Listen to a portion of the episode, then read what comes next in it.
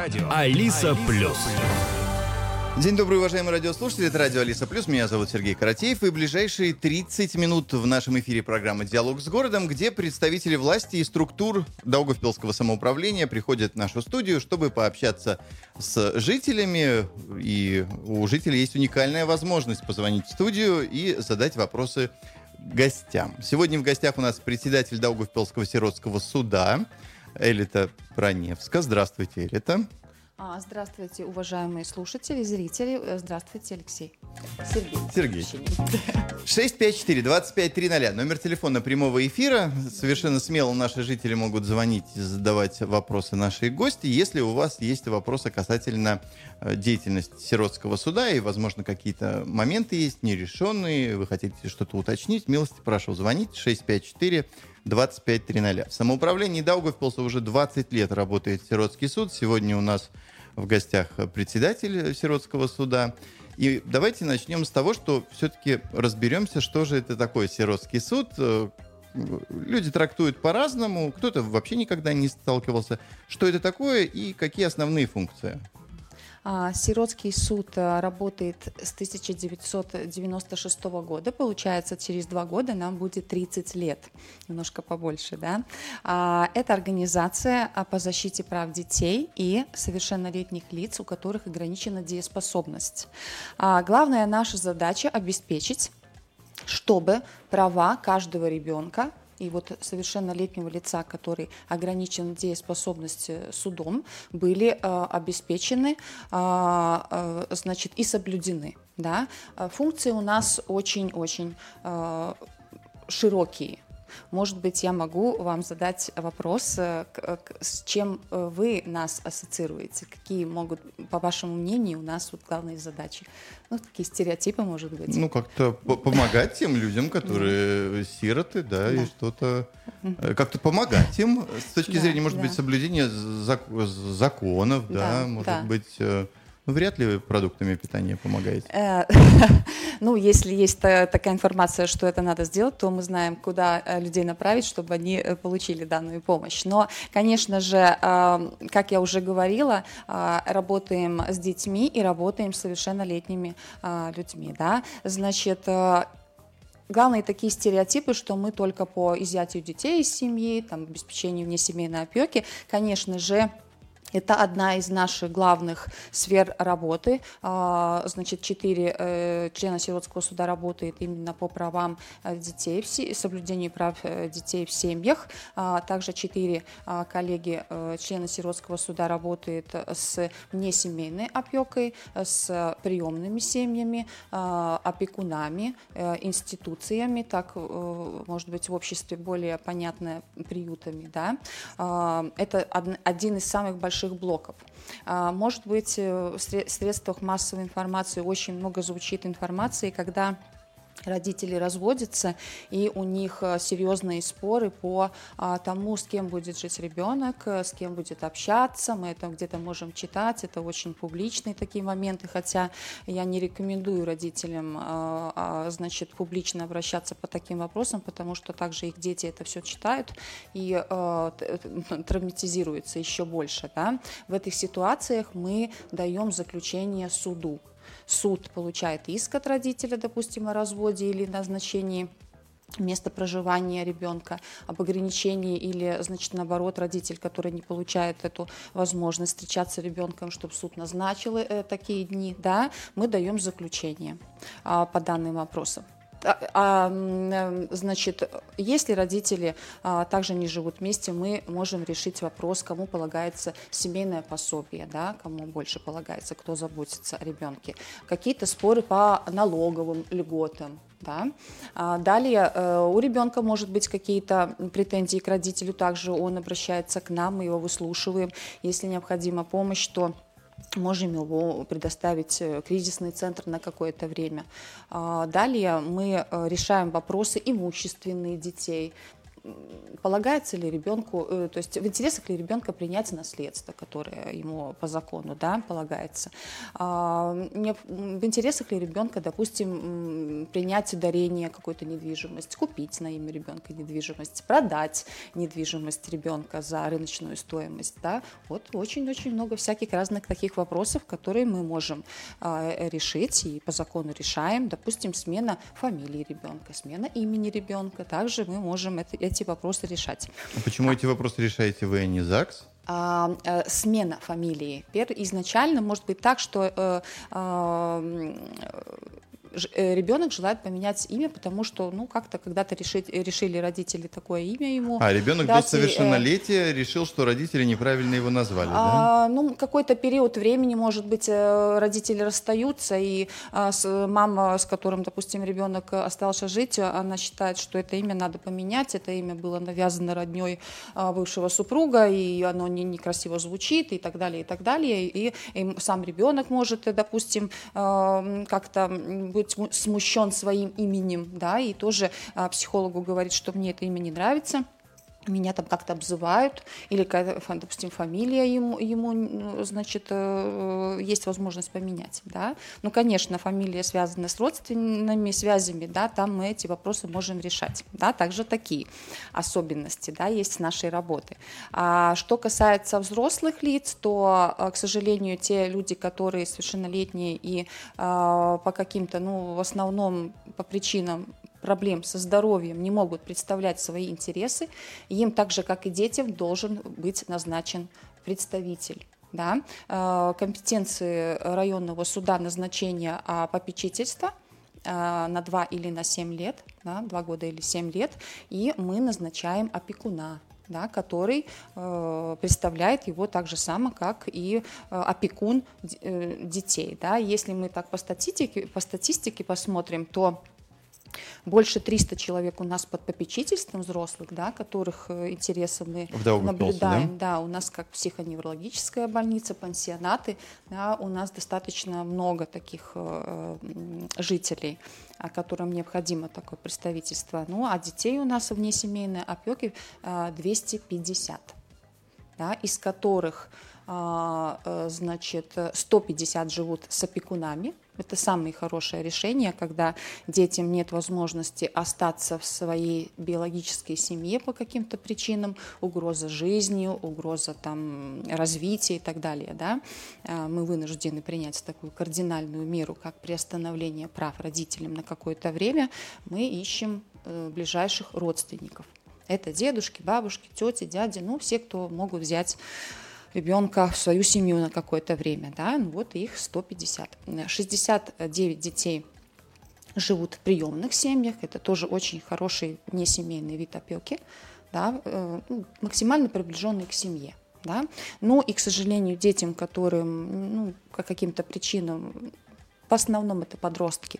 Не получается, э, нет опекунов, допустим, либо какие-то конфликтные отношения. А бывают дети говорят, что я не останусь э, там, с дедушкой, с бабушкой, потому что они э, поддерживают родителей. Ну, то есть какие-то моменты психологические сложные, да, то э, у нас есть самоуправление институция, да, институциональная апрупа, и дети живут, пока могут вернуться в семью обратно вот в институциях. Как организована работа повседневная вашего учреждения mm-hmm. и с какими структурами и организациями вы сотрудничаете? То есть вы приходите на работу, вы выискиваете этих сложных э, людей или вы работаете в сотрудничестве там, с полицией, с судом? Как происходит эта процедура? А, у нас в коллективе 16 работников. Да? Э, два секретаря, архивист и остальные, значит, 13 человек, э, также самое я, заместитель и 11 членов сиротского суда работает по сферам. Потому что, ну, все-таки мы второй по величине город в Латвии, э, большой, достаточно большой объем работы у нас да? А, допустим, в прошлом, позапрошлом году мы приняли 681 а, решение, а в прошлом уже 714 решений коллегиальных. Это достаточно много. Да? И мы э, разделены по сферам. Четыре человека работают с э, правами родителей такие глобальные такие сферы, да, а один работник назначает значит, предоставляет статус приемных семей, да, тем, кто желает быть приемными семьями, помещает туда детей, активно работает с этими семьями, все вот эти вопросы э, решают. Далее 4, 3 человека работает с опекунами и вот с приютами. Два, два, двое коллег работает с попечителями, одна коллега с э, датей заключения судам по спорам родителей, о которых я уже говорила, да, и а, коллега по имущественным вопросам. То есть э, э, обращение в сиротский суд по сферам которые надо решать. Надо принимать наследство, мы получаем информацию от нотариуса, от родителя, да, что приходит с заявлениями. А если это сфера попечительства да, над взрослыми, Прокуратура пишет, там проверьте, пожалуйста, есть такая информация, что человеку нужен попечитель, проверьте, как там обстоят дела, чтобы уже, когда у этого человека нет родственников, что прокуратура могла подать в суд вот это заявление, чтобы человеку э, назначили попечительство. Да? А суды запрашивают информацию, мы сразу да, начинаем процесс, э, собираем доказательства, предоставляем суду. Э, по всем сферам необходимо опекунство, необходимо там приобретение недвижимости есть жалобы по правам родителей, допустим, по реализации прав, да, что какие-то не, не соблюдаются. А, социальная служба нам пишет, управление образования, очень активно госполиция нам сообщает о вызовах, где а, значит, был ребенок и где у них есть вот э, подозрение, что там не соблюдаются права детей. А, со всеми сотрудничаем с госполицией раз в месяц мы выезжаем вечером, так называемые рейды проводим, да, по семьям, где высокие риски, да, а, несоблюдение прав детей было, да, констатировано. А, с самоуправлением полиции мы работаем, а, приглашаем их на вызовы такие, где нам необходима их помощь. Э, социальная служба – это самый-самый такой э, э, партнер сотрудничества каждый день с ними, да, плотную работаем, потому что мы без них, ну что мы без них можем сделать, если есть проблема, и социальные услуги, социальная помощь – это все, все важные такие моменты. Очень. Так что с организациями, которые общественные, очень плотно сотрудничаем. Так что со всеми, кто каким-то образом связан с нашей сферой деятельности. Председатель Даугавпилского сиротского суда Элита Проневска сегодня у нас в студии. Есть телефонный звонок, он будет слышен в наушнике. Здравствуйте, добрый день. Добрый день. Пожалуйста. У меня такой вопрос. У меня нет мужа, и получаю, ребенок получает пенсию по потере кормильца. Э, самое интересное, что каждый месяц эта пенсия уменьшается. С чем это связано? Угу. То есть э, на 10 евро каждый месяц получаю меньше. Угу. Ребенок несовершеннолетний еще. Угу. Понятен вопрос. Спасибо. А, да, э, в связи со смертью родителя ребенку полагается пенсия по потере кормильца. Она э, может отличаться, это зависит от э, стажа работы и всех таких моментов э, родителя, которые он потерял. По данному вопросу нам, вам нужно обратиться э, в Алсоциала Абдрошнашенс агентура, да, э, и э, записаться, наверное, на прием и выяснить, почему э, значит, вам назначаются вот эти разные суммы. Это входит в компетенцию Valsts sociālās apdrošināšanas агентура. Да? Обратитесь, пожалуйста. 654-2530, номер телефона в студии. А скажите, пожалуйста, могут ли третьи лица, мы проговорили, что структуры вам поставляют информацию о том, у кого есть сложности, да, а могут ли, скажем, соседи рассказать о сложных ситуациях э, в соседней семье, да, как эта процедура проходит? Обязательно я э, всех призываю, если вы слышите э, плач ребенка за стеной один вечер, второй вечер, вы что-то... Сколько вечеров? Что-то видите, ну, насколько вам сердце не, не, угу. не разорвется. Не, ну, э, жела... я это, конечно, так, э, да, шучу на такую серьезную тему, но э, я призываю всех обращаться, потому что э, мы э, эту информацию мы запротоколируем как анонимную.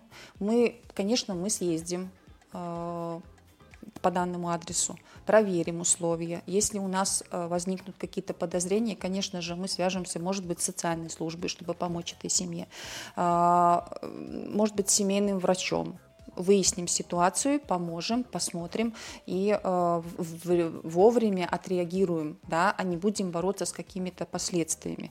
Вот на примере мы получили такое интересное, так приятно было видеть, что целый многоэтажного дома жители написали нам общее письмо э, с подписями о том, что в них доме живет мама, э, которая только что вернулась с роддома, но они не видят ребенка чтобы гуляла, они как-то очень волнуются. Да, и они написали, пожалуйста, проверьте, мы не хотим жаловаться, но нам очень, ну, как-то некомфортно, да. Мы, конечно же, проверили, а, э, предоставили этой маме соответствующую помощь, э, информацию, где она может получить помощь и так далее. А, подключили социальную службу, и все решилось очень э, хорошо да, и своевременно. А, и мы даже ответ написали жителям, что вам большое вам спасибо. Да. А потом получаем, допустим, такой звонок. Мы уже, мы, допустим, э, соседи, мы все, мы не можем на это больше смотреть, мы это больше не можем терпеть, там пьют, ходят, дети страдают. Я говорю, а что надо терпеть? Сразу увидели, нам сообщили, мы проверим, поможем. Мы не карающая организация, мы в первую очередь э, предоставляем помощь. И чем своевременнее обратитесь к нам, да, тем быстрее мы сможем помочь этой семье. Так что все могут обращаться, пожалуйста, звоните, мы э, отреагируем незамедлительно. Куда это необходимо звонить, куда обращаться? А, в Сиротский суд, Сиротский номер суд. телефона 654 76791. 76791. Еще один телефонный звонок тоже будет слышен в наушнике. Здравствуйте, пожалуйста. Алло, здравствуйте. Здравствуйте. Здравствуйте. У, меня такой вопрос. Э, моя жена опекунша, да? А позволяет ей подарок э, первой группе инвалидки 76 лет. Никакого подарка нету, ничего нету у нее. В опекунский суд ходили, и ничего не положено ей, и все. А, я прошу прощения, такое... подарок в связи, в связи с чем? В связи с чем подарок? Ну, на, где, это, на Новый год подарок. Угу. Что положено инвалидке первой группы? Она не ходячая с детства. А скажите, пожалуйста, ваша супруга опекун над несовершеннолетним ребенком или над совершеннолетним? Нет, нет, она уже 76 летней этой инвалидки. Ага. Ну, э, она угу. сестра ее, она родная. Спасибо, да. А, ну, э, значит, по поводу подарков, э, все такие моменты решает социальная служба. Э, опекунам на какие-то праздники, да, если полагаются какие-то подарки, пожалуйста, обращайтесь в социальную службу, выясняйте, потому что, ну, мы с материальными никакими благами не работаем, да, мы только принимаем решения, а, поддерживаем какие-то, рассматриваем заявления по необходимости, но все вот эти материальные моменты я, э, значит, э, рекомендую вам решить в социальной службе. Да. 654-2530, номер телефона в студии. Председатель Даугавпилского сиротского суда Элита Проневск сегодня у нас в студии. Вы можете задать ей вопросы, дозвонившись в эфир. Давайте поговорим о о детях. В каком случае э, и в каких случаях дети могут напрямую обратиться в сиротский суд? Есть ли такая практика, как это происходит? Конечно же, есть такая практика. А, но если мы говорим о детях как они могут обращаться, то, может быть, а, значит, э, изначально вот э, что должно случиться да, с этим ребенком, да, чтобы да. он а, Приходят, они звонят нам, пишут на WhatsApp, спрашивают какие-то вопросы. Бывали ситуации, когда а, там су- собранный уже рюкзачком приходит, говорит, я поссорился с родителями, поссорилась, меня не понимают, какие-то моменты. И в этой ситуации, конечно же, у нас э, в самоуправлении работает прекрасный а, кризисный центр, да, ребенок может э, туда поехать, мы можем его туда отвезти, он сам туда может прийти, да, и побыть пару дней, день, неделю, да. Также, допустим, ситуация, если родитель с подростком поссорился вот вечером, да, ну, вы понимаете, что он уйдет, лучше тогда его, может быть, все-таки отвести в кризисный центр. Это никаким образом не влияет никакие родительские права родителя. Да? Родитель может написать заявление, с ребенком поработает психолог, может быть, э, родитель против друзей или какого-то там провождения времени ребенка, нет у них каких-то да, договоренностей. Это все можно решить, э, дети приходят, да, ну, посложнее узнать информацию о детях, когда они маленькие, да, но когда подростки, кстати, они очень информированы, Э, звонят, интересуются, приходят, и мы помогаем, да. Да, так раньше, раньше такого не было. То есть сегодня э, сперва рассказывают о их правах, а потом уже об, об обязанностях, да. И... Ну, э, да, дети сейчас очень информированы, но, конечно, мы также им объясняем их обязанности, да, если ребенок нам пояснит, что я, меня там э, гнобят, потому что мне надо учиться, но то, конечно, нам надо проводить с ним беседы. У нас есть э, несколько общественных организаций, которые мы можем э, отправить, чтобы ребенок, может быть, сам себе немножко разобрался. К психологу можем ребенка направить, чтобы он с ним поработал. Есть у нас да, третий год работает ПУС аудиоресурсу центр, куда ребенок приходит и сотрудничает тет-а-тет -тет со специалистами, то есть э, с каждым годом больше возможностей получить помощь и поддержку всем. Если говорить о, о Даугавпилсе и о сиротском суде, о статистике, да, то есть угу. сколько, сколько людей обращаются с какими вопросами, можем как-то э, поделиться этой информацией? Ну, вопросы очень разные. Я уже в начале нашей беседы говорила, да, что если про детей э, приходят э, родители, спрашивают, э, допустим, как решать вопросы, допустим, развода. Ну, сколько вот таких людей за, за год, ну, может прийти с таким вот вопросом обратиться? Скажем так, если мы посмотрим, и, может быть, я так прям, прям написанных заявлений статистику понимать, вам не озвучу. Просто понимать, вот Даугавпилс, вот э, сколько, каких проблем, да, у нас? С какими проблемами люди приходят чаще всего, скажем так? Ну, конечно, это права заботы родителей – самые такие актуальные темы, о которых мы говорим. Очень много с нами, к нам приходят а, жители именно по, когда идет развод, как решить вопрос со вторым родителем, а, как, какую помощь могут получить. Очень много также имущественных вопросов у нас, да, на 100, 120 а, решений в году из, вот, из 714 решений по имущественным вопросам. А, как назначить, допустим, попечителя, когда болен э, родственник. Кстати, мы э, помогаем нашим жителям, э, сами пишем заявление в суд, да, если, допустим, обращается, что больной человек э, совершеннолетний не может представлять сам свои интересы, то мы э, собираем, значит, говорим, какой, какие нужны документы, сами пишем заявление, совершенно, да, это бесплатная услуга э, жителям, э, все, все им, значит, предоставляем, они несут в суд, и тогда уже мы поддерживаем их дальше. А также мы пишем, э, значит, э, не пишем, а помогаем всем горожанам и все, всем, кто к нам обращается, уже с 2004 года э, оформить алименты государственные. Да?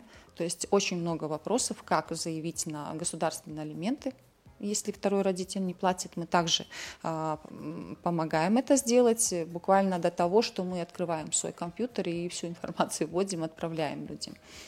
Эм, очень разная информация. Каждый день. У нас есть, конечно, приемное время, но оно а, совершенно не работает. К нам приходит рабочее не время. Не соответствует. Нет, нет.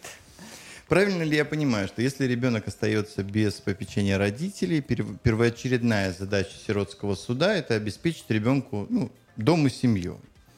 Да. Какие решения в этой ситуации? Бывают ли случаи, когда э, ребенку не удается такую найти семью? Как у нас сейчас с детскими домами обстоят дела? А, ну, когда мы видим, что не решится проблема с поддержкой социальной службы, может быть, у родителей какие-то другие приоритеты, и э, значит, ребенок не может оставаться в своей биологической семье, потому что это уже угроза его здоровью, развитию жизни, да, то мы параллельно, конечно же, на, пытаемся найти всех возможных родственников, чтобы назначить ему опекунство возможное. Да? Если э, не получается, то э, по иерархии самая лучшая внесемейная, если так можно сказать, среда для ребенка – это приемные семьи. Э, у нас их на данный момент 28 в городе, но, конечно же, 69 э, детей мы не можем да, в эти семьи поместить. Мы работаем со всеми приемными семьями в Латвии. У нас 60 детей, 69 детей вне семейной опеки именно в приемных семьях. И в этой связи мы активно э, также принимаем свое участие, чтобы э, приглашать э, жителей все-таки создавать новые приемные семьи. Да, и также сегодня я об этом говорю, что, пожалуйста, обращайтесь в сиротский суд, мы вам расскажем, как стать приемной семьей. Это совершеннолетний один человек может проживать, супруги, да, расскажем, как это все можно реализовать. И в семье могут жить, в приемной семье могут жить до 6 6 деток вместе со своими биологическими под опекунством 6 детей, максимальное количество детей. А, ну и, конечно же, не всем детям получается найти семейную среду, и они э, помещаются в приюты, ну, институции, да, приюты уже так устарелое да, название. Э, в основном это э, уже подростки, которые, может быть, имели уже негативный опыт э, под опекунством, допустим, да, есть такие ситуации, ну, нам очень печально видеть такие ситуации, когда, допустим, опекун э, берет ребенка, бабушка, э, допустим, э, еще маленького, годик у него, допустим, два, и в каком-то подростковом периоде приходит сиротский суд и говорит, забирайте но это как-то так нам немножко так режет, да, вот, и, э, и ребенок уже, ну, то есть э, попадает э, в приют, да, вот. И с этим, что я хочу сказать, да, что Министерство благосостояния уже в 2020 году так информация такую давала, да, что будут создаваться специальные а, специализированные приемные семьи, именно а, чтобы они работали с подростками с проблемами, может быть, с какими-то поведения проблемами, какими-то там зависимостями, да, но это еще в процессе, так что мы ждем такую возможность. Э, вот люди, которые хотят, э, хотят взять ребенка да, на воспитание, скажем так, каким они должны соответствовать критериям и что для этого нужно? А, ну, первым делом нужно обратиться э, в сиротский суд по месту проживания декларации. Ну, мы да? говорим про да, Долгопол, э, да, поговорим, да, какая лучшая форма внесемейной, скажем так, опеки э, больше этому человеку подходит. Кто-то, может быть, готов взять под опекунство одного ребенка. Может быть, э, для этого, значит, принимается соответственное решение. Если можно, опекунство и усыновление – это разные вещи? Так, есть усыновление, удочерение – это новая семья. Ребенок путем адопции приобретает полноценную семью а, с правами социальными, с правами унаследования, полностью как вот брат, сестра, дочь, сын, угу. да, то есть это такая уже другая полноценная семья. А, опекунство – это внесемейная опека, пока э, в правах приостановленные родители да, решают свои проблемы. Это внесемейная временная временная такая, да, но самая такая лучшая в плане, да, самая такая семейная опекунство получается, да, вид внесемейной опеки, потому что у опекуна самые такие большие полномочия, он так как бы заместитель родителя получается, он сиротским судом только при назначении, там мы раз в год встречаемся, если нет проблем, там проверить, как дела, как, как, там, как что, и до момента, пока ребенок э, может вернуться в свою биологическую семью, э, либо, ну, до совершеннолетия. Да? Вторая по иерархии, такая лучшая форма, это а, приемные семьи. Также а, совершеннолетний человек или пара в браке состоящая может а, тоже обратиться в сиротский суд по месту проживания, а, пишет заявление, мы хотим стать приемной семьей. Конечно же, а, как и опекуны, как и усыновители, так и а, приемные родители потенциальные, а, значит, приносят нам документы о себе, да, э, все мы запрашиваем информацию, э, не было ли судимостей у да, каких-то преступлений, да, совершенных с умысл, умыслом. Да? А нет ли э, у претендентов нарушений прав детей, прошлым, а, какие у них условия смотрим, то есть сколько деток они могут, ну, мы должны увидеть, сколько деток они могут э, да, а, разместить в своем эм, доме или квартире. Да. А, потом они проходят обучение, бесплатное обучение. У нас уже с 2018 года работает один из центров поддержки, да, которые финансируются э, из госбюджета.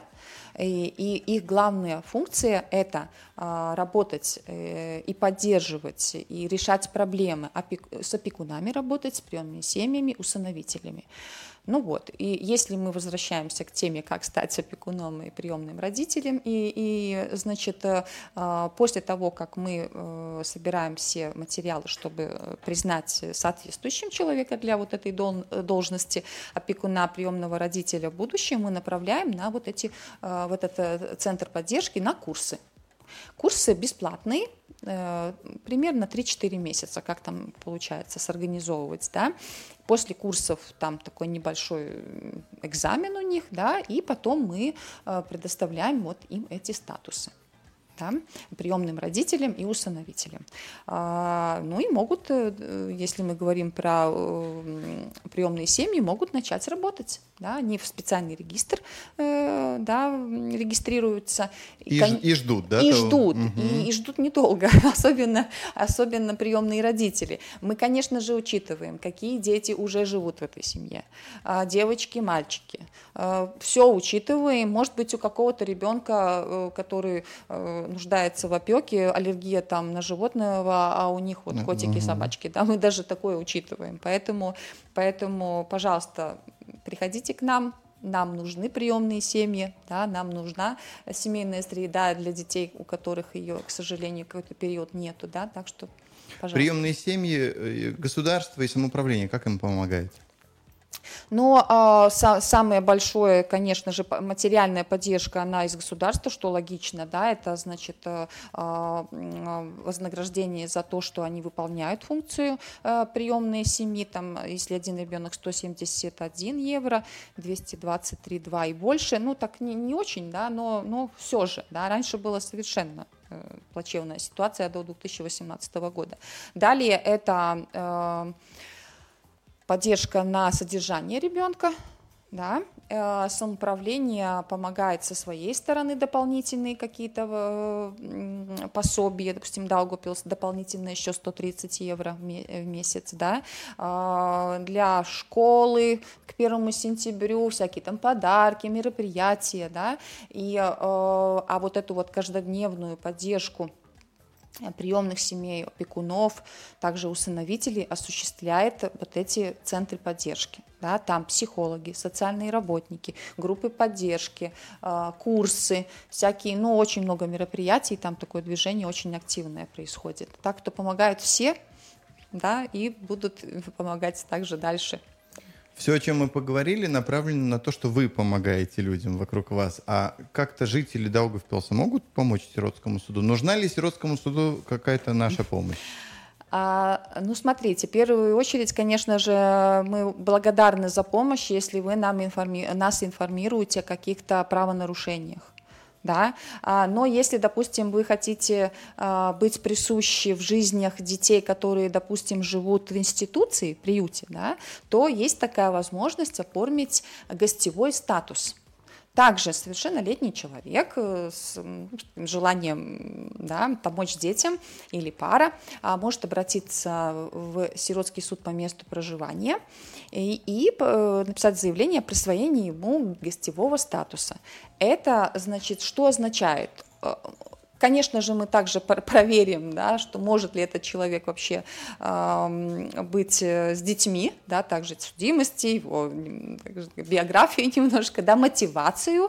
И э, если мы такой статус присвоим, то э, человек э, может обратиться в любой э, приют, институцию, где живут дети, да, с, связаться с администрацией, ну и рассказать, как он может помочь. Он будет вхож в эту организацию, да, он, ну, понимаете, да, о чем я. Угу. А, он может приходить на мероприятия, он может организовывать что-то, он может э, уже поближе познакомиться с какими-то детками взять их к себе на какие-то праздники, да, он может их забирать, да, э, там, предварительно, да, предупредив и заключив все вот эти вот, э, да, моменты э, договоренности с организацией, да, где дети находятся. Так что это как вариант. Если вы не можете взять ребенка домой, потому что домой взять ребенка это 24 на 7, это ребенок, это ответственность.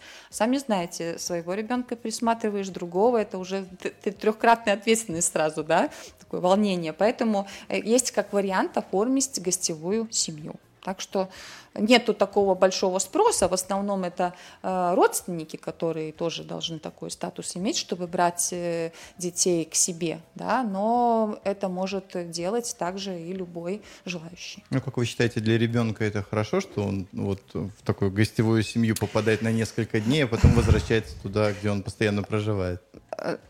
Это очень такой актуальный вопрос, потому что надо э, не забывать, что мы несем ответственность да, за тех, кого мы как приручили, всегда да. приручили. Это такой очень момент э, серьезный, и надо понимать, как, э, что можно себе позволить, что нет. Э, и если ребенок приходит уже регулярно к вам в гости, то надо понимать, ну, может быть, надо оформлять опекунство. Да, да. Ну, конечно, если вы раз, раз, разорвете связь с ребенком, он будет э, травматизирован и будет переживать. Об этом надо, конечно, понимать осознанно, на что вы идете и на что вы готовы. А, после ремонта вы вернулись в ЗАГС, да? В, да, ЗАГС, да. в помещении ЗАГСа. Райне 27 – это адрес Сиротского суда в Даугавпилсе. Телефон 654 76 791. Да. Председатель Даугавпилского сиротского седа э, Элита Проневска была сегодня гостьей программы «Диалог с городом». Спасибо. Спасибо всем. вам. Услышимся. Программу «Диалог с городом» провел Сергей Каратеев. До свидания. Диалог, Диалог с городом на радио Алиса Плюс.